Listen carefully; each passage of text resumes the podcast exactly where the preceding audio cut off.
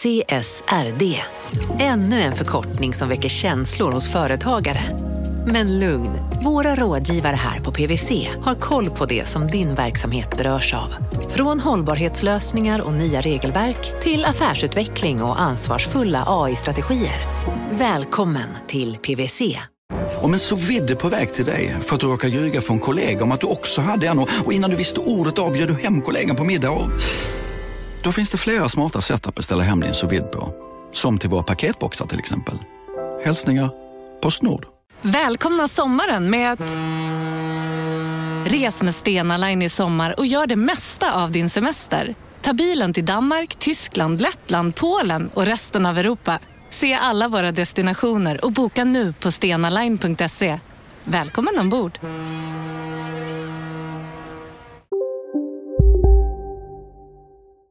Från Monopol Media, jag heter Gunnar Harjus. Och jag heter Åsa Secker. Åsa, vi är mitt i sommaren och vi ska fortsätta med våra repriser. Den här veckan är det något av en personlig favorit faktiskt. Den här veckan handlar kapitalet om en man som har väldigt, väldigt bestämda åsikter kring A. Hur starka drinkar ska vara och B. Hur man ska behandla is. Sådana här macho-drinkar, det är bara äckligt. Vem fan vill ha det? Det, det, är liksom, det här är 5 centiliter. Och då ska jag putsa isen. Blanka den kan vi kalla det för också. Mm. Och är isen riktigt kall som den var och ligger inte framme som många låter den göra. Då ska det knaka och smälla. Så att om du lyssnar på isen. Och då, då blir man jätteglad. Man blir verkligen jätteglad av att höra det här ljudet. Gud, ja. Um, man blir också glad av den här mannen. Han heter Lasse Tavola, han är VD för eh, bolaget AB Svenska Sprit. Två bra namn. Eh, otroligt.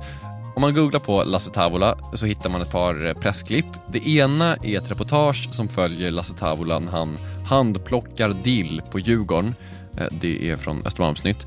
Det andra reportaget man hittar är på Lasses brorsa när han handplockar fläder i eh, Slottsskogen i Göteborg. I Göteborgs-Posten hittar man eh, det reportaget. Härligt. Eh, varför berättar du det här för mig? Det kommer du snart förstå. Eh, det är som man säger betydelsebärande. Eh, de använder flädret och dillen som smaksättare i spriten som de producerar. Det är liksom den produkt de säljer. Men det är inte därför de åker runt och faktiskt plockar den här dillen och den här flädern. Det är inte ens för att handplockade brännvinssmaksättare verkar vara ett vattentätt sätt att hamna i lokalpressen utan det är för att Lasse en gång i tiden hittade ett kryphål i en mycket specifik regel i ett orimligt komplicerat monopol. Det här kryphålet kommer han att utnyttja till max. Tills han en dag inte gör det. Hur Lasse utnyttjade systemet och hur systemet slog tillbaka kommer ni få höra alldeles strax och då kommer du ha gått härifrån Åsa och en ett år yngre version av Jakob kommer att komma hit tillsammans med en ett år yngre version av dig. Precis. Eh, det ni ska höra eh, snart är alltså en repris. Eh, vi kommer tillbaka när den är slut för en liten uppdatering kring hur det går för Lasse idag. Hör snart!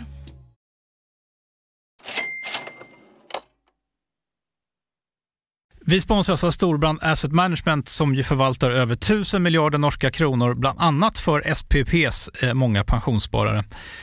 För två år sedan så investerade Storebrand i drygt 60 tåg, alltså tågvagnar, eh, som rullar mellan London och Skottland. De leasar sedan de här tågvagnarna till tågoperatören som alltså kör tågen och säljer biljetter och sånt eh, med ett avtal på 27 år.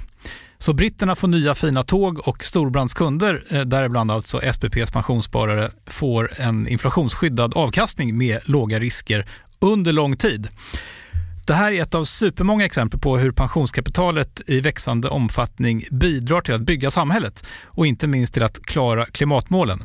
Det behövs elproduktion, elnät, batteriparker, nya transportlösningar och allt möjligt. Bara i Europa antas investeringsbehovet för att klara klimatmålen uppgå till tusentals miljarder dollar. Och det här är ju pengar som ganska ofta saknas i statsbudgetarna. Däremot är det här pengar som pensionsbolagen kan vara med eh, och stoppa in, vilket ger pensionsspararna en fin avkastning under lång tid samtidigt som man är med och ställer om samhället. Vi har gjort ett helt avsnitt om det här eh, som man kan lyssna på. Det publiceras här i Kapitalet i mitten av maj. Ratta gärna in det om ni vill lära er mer om hur det här funkar.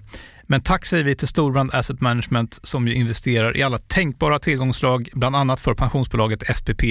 Och tillsammans försöker ju vi, Storbrand och SPP, öka medvetenheten om hur pensionerna funkar och vilken roll pensionerna spelar i samhället och i ekonomin.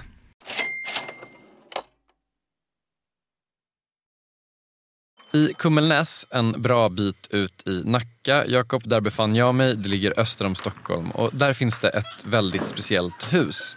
Taket är både grönt och svart och det är kantigt och har olika konstiga spetsiga vinklar och stora fönster. Men det man mest tänker på när man ser huset det är fasaden. Den ser ut att vara i närmast obehandlat trä och det är liksom lagt i symmetriskt sneda plankor runt om hela huset som om det vore liksom en gigantisk fiskbensparkett fast på ytterväggarna då och inte på golven. Och om man ringer på på det här huset så kan man få prata med mannen som en gång skapade en storm på Systembolaget. Hej! Hallå, hej. Hallå, hej! Gunnar. Hejsa! Du ska träffa Lasse. Det ska jag göra. Jag tror att han är, om du går runt hörnan här. Ja. Jag ska kolla för han är i den delen av huset. Yes. Ja, men jag Så går du runt så går in i en träport så här. Ja, In där. ja. Ja. Tack. Jag ska kolla att han är där. Okej, om man ringer på där så kan man prata med Kajsa. Hon kan peka dig runt hörnet. Och om du går runt det här huset då och in genom en dörr som är dold i ett staket, då kan du få prata med mannen som en gång startade en storm på Systembolaget. Det var lite hemligt. Det, det var ett otroligt ställe här alltså. Tjena. Hej Gunnar. Tack så mycket. Lasse Tavola är en gammal reklamare. I slutet av 90-talet så gick affärerna dåligt och Lasse började se sig om efter andra möjligheter. Och en kompis då hade precis gett sig in på alkoholmarknaden och frågade Lasse om inte han kan formge etiketter till en ny ölflaska. Och Lasse gör det här och får upp ögonen för alkoholmarknaden. Ja, kan jag inte göra sprit kanske? Jag, jag är sån som gillar vin och sånt där och har varit mycket i Frankrike och sådär. Mat och vin och så. Och, eh, och sen så har jag tyckt att den här spritkulturen är så in i vassen gubbig. Det är liksom recept från 1800-talet som är överkryddade för att gömma dålig spritsmak och så kör man det fortfarande fast det finns väldigt fin sprit. Så Lasse börjar tillverka ett brännvin som hans kompis hjälper honom att distribuera. Och Han känner att han har liksom talang för det här och att han borde starta eget. Men han drar sig ändå lite för att göra det här. Och varför drar han sig för att eh, starta eget i spritbranschen? Alltså man kan ju tänka sig att det finns regler kring vilka som får producera sprit i Sverige, eller? Ja, det finns det såklart, men det är inte riktigt därför som Lasse oroar sig. Utan det som gör honom orolig, det är det som oroar alla som någon gång har försökt starta ett företag. Hur ska man få någonting sålt? För som ni kanske vet så finns det ju bara ett företag som säljer alkohol, ja i alla fall över 3,5 procent i Sverige. Alltså Systembolaget. Och Systembolagets regler, de är lite krångliga. Och då fick man ju läsa in sig på reglerna. Och, så, och, då, och i och med att jag då var leverantör så var jag ju inne och läste på lite. Så att jag, och det måste man göra. Och, och framförallt är det jätteviktigt för att bli godkänd som leverantör. Man måste ju läsa på en hel del. Det är inte hur enkelt som helst. Okej, så vad är det som är så krångligt eh, med just de här reglerna, Gunnar? Ja, alltså man kan väl säga så här. Eftersom Systembolaget har monopol och eftersom det dessutom är statligt så behövs det liksom ett regelverk för att man ska kunna garantera att det inte ges några fördelar till vissa företag. Och I korta drag så kan man väl säga att det är så här. Det finns tre sortiment. Beställningssortimentet där alla drycker finns och man kan få det levererat om man pratar med någon i en butik. Sen så finns det ordinarie sortimentet som är drycker som säljs på hyllorna på alla bolag. Och så finns det lokala sortimentet där lokalproducerade drycker säljs på de närmsta systembolagen. Ja, och det här låter väl hyfsat bekant för de eh, flesta. Men fortfarande, vad är problemet med eh, det här då? Okej, om jag ska vara lite drastisk så är problemet det här. Om du gör sprit, om du till exempel är Lasse Tavola, så är det i princip omöjligt att komma in på det ordinarie sortimentet. Och liksom de facto så säljer du ingenting genom beställningssortimentet. Och så är det det här med det lokala sortimentet och där säljer du som sagt bara till dina närmsta systembolag. På den här tiden så var det tre stycken. Så man kan säga att du har tre systembolag totalt som du kan sälja till och det är lite svårt att se hur man ska få liksom ruljans på en verksamhet på det här sättet. Så Lasses chanser att bli rik på sin nya affärsidé att tillverka och sälja sprit, de är i princip noll. Han grubblar på hur det ska gå ihop, han läser reglerna om och om igen utan att hitta en lösning. Men så får Lasse nys om en sak. En anställd på Systembolaget tipsar honom.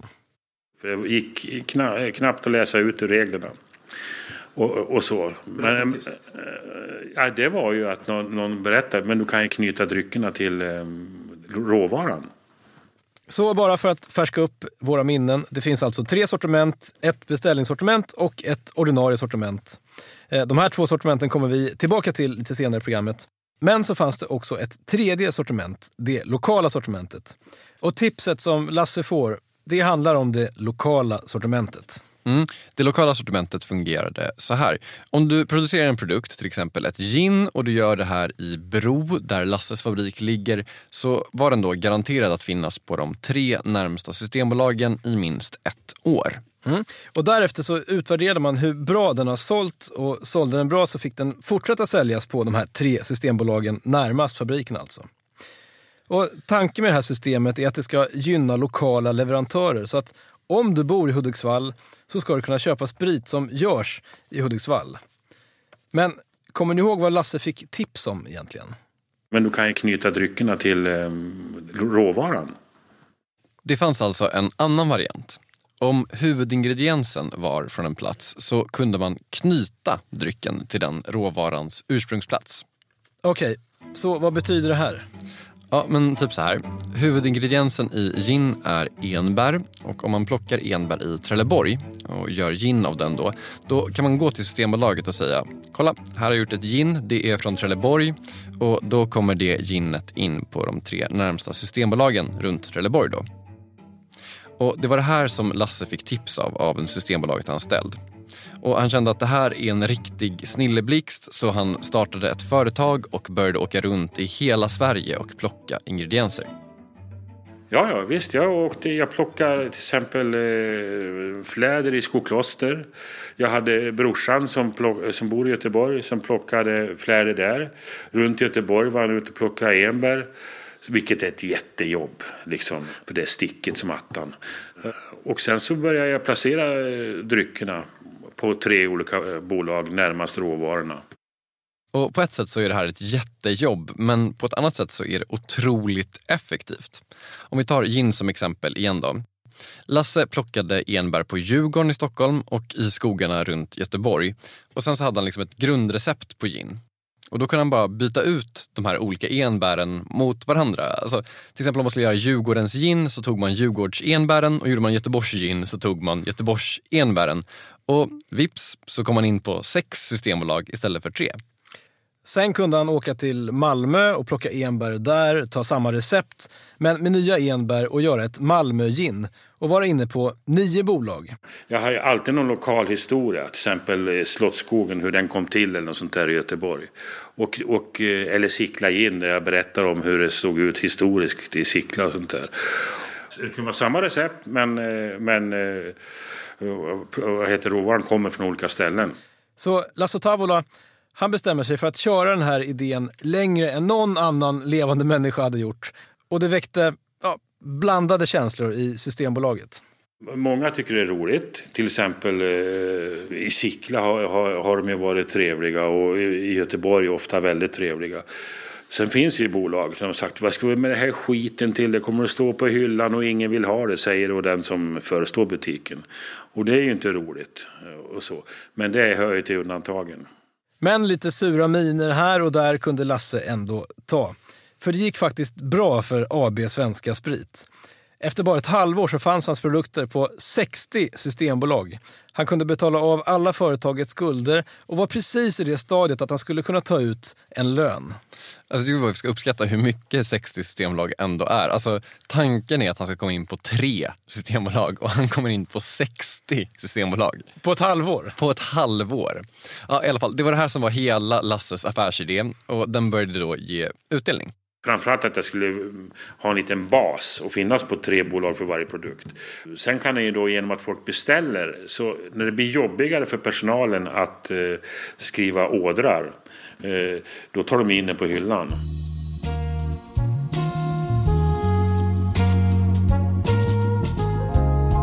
Så allt såg bra ut. Lasse fanns på 60 bolag i minst ett år och skulle i teorin kunna finnas på ännu fler. Han hade helt enkelt knäckt systemet. Och Lasse var glad, för allt gick ju bra.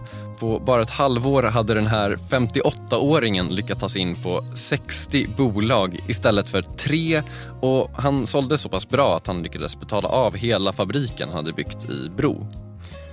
Och den här idén att serieproducera lokala produkter, det är ju ett riktigt genidrag. Men varför var Lasse tvungen att gå så här långt? Varför kunde han inte bara gå till Systembolaget och säga Hörni, jag har ett jättegott brännvin här. Det här ska säljas i hela landet, tack.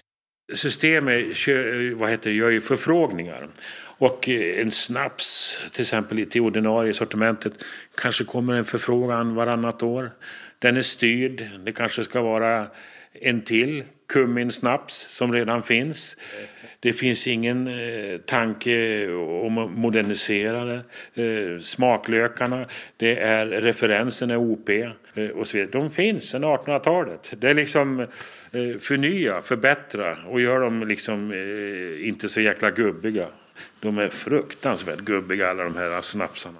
Uh, uh, okay. Jag vet inte om ni hängde med här, men innan Lasse började prata om olika gubbiga snapsar, det är för övrigt hans favoritämne, så berättade han hur det funkar. Om Systembolaget vill ha in någonting nytt i det ordinarie sortimentet, alltså det som säljs i hela landet, så skickar de ut en beställning. En offert kallar de det. Och där står det liksom exakt vilken typ av ny dryck man vill ha. Och Lasse gör ju sprit, eh, alltså brännvin till exempel, och uppskattar att det kommer in en sån beställning ungefär vartannat år. Nu är det tyvärr så här att Systembolaget har tackat nej till att prata med oss så jag kan inte riktigt dubbelkolla det här. Men det verkar vara otroligt svårt att ta sig in i det här ordinarie sortimentet i alla fall. Mm. Till exempel så tog det Härnö gin sju år att komma in i det ordinarie sortimentet och det är ändå världens bästa gin.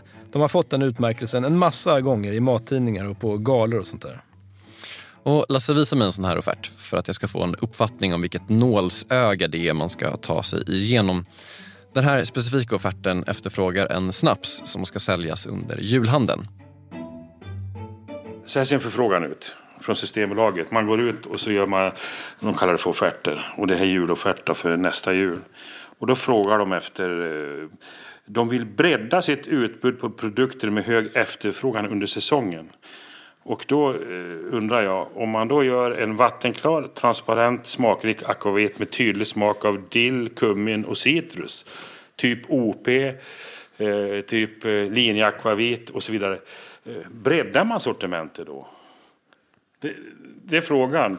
Okej, det kommer att finnas flera flaskor med samma smak. Men breddar man den? Det, det, det, det är liksom... Och de finns ju redan. Varför kan man göra något nytt? Och ja, Lasse älskar nya smaker. Han är inte så förtjust i brännvin som smakar kummin och han fick avslag på sitt eget förslag dagen innan jag träffade honom. Men det är ju så att det finns ett annat sortiment också, beställningssortimentet.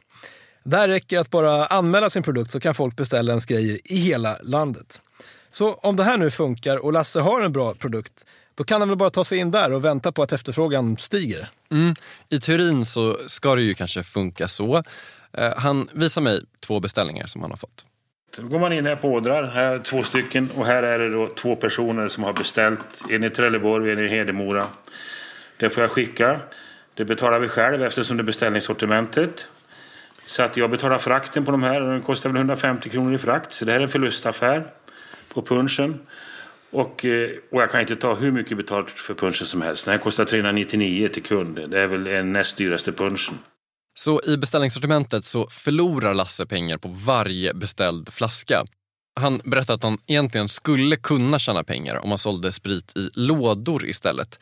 Men som han själv säger, och det får man faktiskt köpa, det är inte supervanligt att en privatperson beställer typ 12 flaskor punch.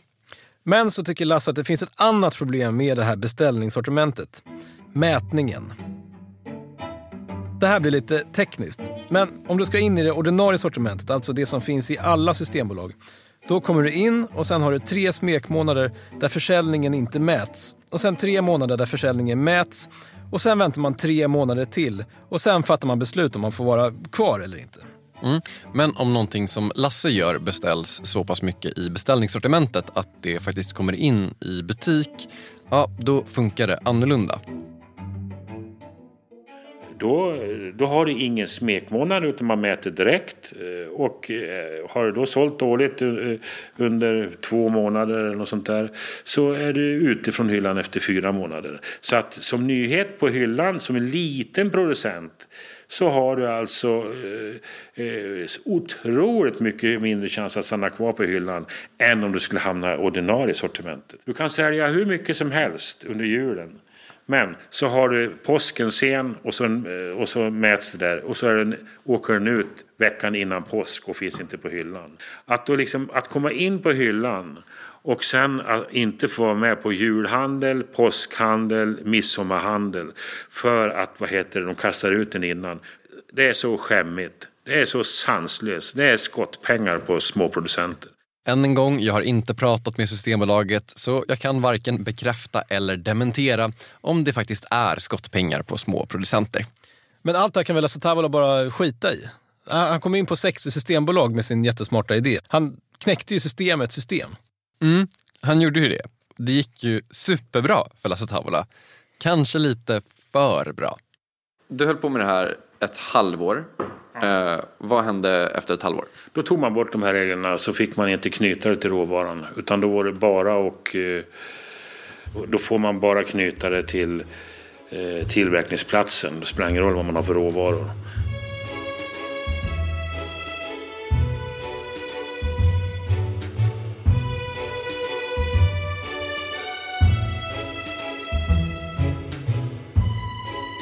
Ja, det som Systembolaget gjorde när Lasse knäckte reglerna, det var att ändra reglerna.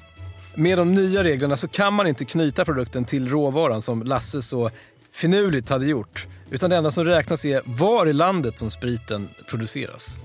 Så Lasses fabrik eh, den ligger i Bro, några mil norr om Stockholm. Och då kan han med de nya reglerna komma in på mellan 0 och 10 systembolag inom 15 mils radie från fabriken. Det här är i teorin ska sägas, för i praktiken så har han kommit in på tre som det var förut. Så på ett sätt är det här fler än med det gamla systemet, men för Lasse är det mycket mindre. Han fanns ju tidigare på bolag i hela Sverige. Det var ju liksom affärsidén. Det här, det här är liksom, ja, då kan jag komma in på så här många. Okej, då blir det de och de pengarna. Och då, då, då har jag åtminstone en lön till att börja med. Och sen så får man jobba med andra mål, då, komma till ordinarie och så vidare. Ja, det kändes inget vidare för då, då, då försvann ju grundidén. Det var därför jag startade. Var du någonsin på liksom, ja men då skiter jag här, då lägger jag ner det? Ja, där är man ju lite eh, då och då. För att det är ju, eh, ja, det är mycket jobb och lite pengar. Så Systembolagets nya regler gör att Lasses ganska eleganta affärsidé går i stöpet. Han finns fortfarande kvar på en handfull hyllor där han sålde bra innan de ändrade reglerna. Och han har ett litet rikstäckande sortiment som går att beställa i butiker men som vi var inne på tidigare, då förlorar han pengar per beställd flaska. Men varför kom de här nya reglerna då? Var det bara för att sätta stopp för Lasse? Ja, alltså det är väl lite svårt att veta, men Lasse själv har en teori. Jag tror inte de trodde på mig. Att jag liksom verkligen åkte runt och, och, och fixade det.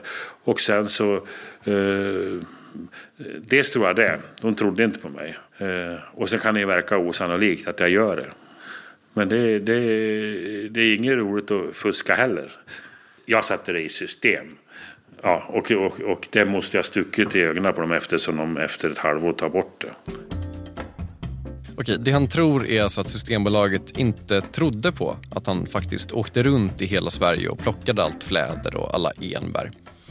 Men han säger själv att jo, det är klart att jag gjorde det. Om det var så här eller inte, det vet vi inte eftersom Systembolaget eh, återigen alltså tackade nej till en intervju med Kapitalet. Mm. De hänvisar istället till sin hemsida där det står att de nya reglerna har gjort att det lokala utbudet ökat markant. Men oavsett vad som gav upphov till de här nya reglerna så finns de ju här nu. Och Lasses affärsidé, ja, den gick väl delvis i kras. Men om man ska vara djävulens advokat då, är det inte lite vettigt att de ändrade de här reglerna? Jag menar, borde man inte utgå från var fabriken de- de facto ligger? Ja, alltså på ett sätt så håller jag med dig lite grann. Men på ett sätt så gör jag inte det. Och en som verkligen inte håller med, det är Lasse. Och sen var ju huvudråvaran därifrån. Så att den är ju liksom eh, mer lokal än om jag skulle eh, sitta i Göteborg och, och, och köpa in eh, råvaror och destillera dem och sen så liksom eh, sälja dem. Då är ju ingenting ifrån Göteborg. Utan allt är liksom importerat. Hos mig är ju liksom åtminstone råvaran från Göteborg. Och jag måste säga att jag faktiskt kan köpa Lasses poäng här. För ett gin med lokala enbär är ju på många sätt mycket mer lokal än ett gin med enbär från jag vet inte, Litauen eller whatever. Men så har den råkat produceras bara några mil bort. Ja, I alla fall, man kan vrida och vända på det här men reglerna är i alla fall där nu. Men hur går det för Lasse nu då? Jo, alltså det går väl helt okej. Han tar ju inte ut någon superlön direkt och han har väl det här mycket som en sidogrej och sådär. Men han kör mycket med mässor och det går väl bra. Men är det så att det funkar sådär bra bara för att eh, hans produkter inte är tillräckligt bra? Man kan ju fråga sig det. Och det frågade jag såklart och han svarade att nej, de är superbra. Han har världens bästa fläder säger han själv. Och de får liksom konstant väldigt höga betyg i olika tidningar och som sagt på mässor så går det superbra. Men jag kände ändå att jag måste göra ett väldigt så vetenskapligt journalistiskt test själv. Du menar inte bad honom göra en drink på arbetstid? Mm. Ja, det är det du betalar mig för Jakob. Han gjorde faktiskt till och med två. Han gjorde två gin och tonic. En med lyxtonic och en med vanlig Schweppes. Och då, då blir man jätteglad. Nu häller vi upp den här också. Så, och så ska man hälla försiktigt, försiktigt. Så att vad heter det, man inte förstör kolsyran. Det var lite burdus här. Väldigt, väldigt god måste jag säga. Det säger jag inte bara för att du står här. Utan. Och jag måste säga att det är liksom en upplevelse att vara med om det här när Lasse bjuder en på sprit. För han, är liksom, ja men, han säger själv att han är liksom intresserad av smaker och inte av sprit. Och Det märker man någonstans när man står där i hans kök för han tar fram massa olika rörer. Han tar fram någon hummus med någon senap och rostad lök på för att den passar perfekt tillsammans med hans punch. Och så smakar man det och så bara, ja, det gör det. Det är asgott liksom. Men var det hans privata kök eller hade han något sånt här provkök med massor med färdiga röror som var väntar på att kapitalet skulle komma dit och testa? Eh, Alltså, det var ju hans privata kök men han hade lite grejer kvar från någon mässa som han hade varit på för typ förra veckan. Kul att höra. Så någonstans kanske sista ordet inte är sagt kring huruvida Lasse Tavola kommer bli en framgångsrik spritförsäljare eller inte för han gör faktiskt bra grejer. Men sista ordet är nog sagt om det här kryphålet som Lasse hittade i Systembolagets regler eftersom de nu är ändrade. Det är så skämmigt. Det är så sanslöst. Mm, nu är vi tillbaka i 2019. Så argt avslutade vi alltså avsnittet då. Jag pratade med Lasse alldeles nyss på telefon, alltså för typ en timme sedan. Eh, Han är lite så fortfarande kvar på samma plats. Eh, Så han har inte fått in någon sprit i det fasta sortimentet. Nej, det får man nog säga. Eh, Däremot så går företaget rätt så bra. De gör fortfarande succé på alla mässor de åker på. De säljer mycket till restauranger och sådär. Och så har de ju några produkter som är inne på olika lokala sortiment. Så han har inte gått under det här i alla fall. Nej, och det känns ju lite hoppfullt i alla fall. Eh, Nu är kapitalet slut. Nästa vecka hörru, Då är vi tillbaka med ett nytt avsnitt. så är det. Ett sprojlans nytt kapitalet nästa vecka. Då är vår semester slut. Eh, hej då tills dess. Jag heter Gunnar Harjus. Åsa Secker heter du. Eh, Jakob Bursell har också pratat i det här avsnittet. Han är också vår chef. Kristoffer Krook har fixat ljudet. Hej! Hej!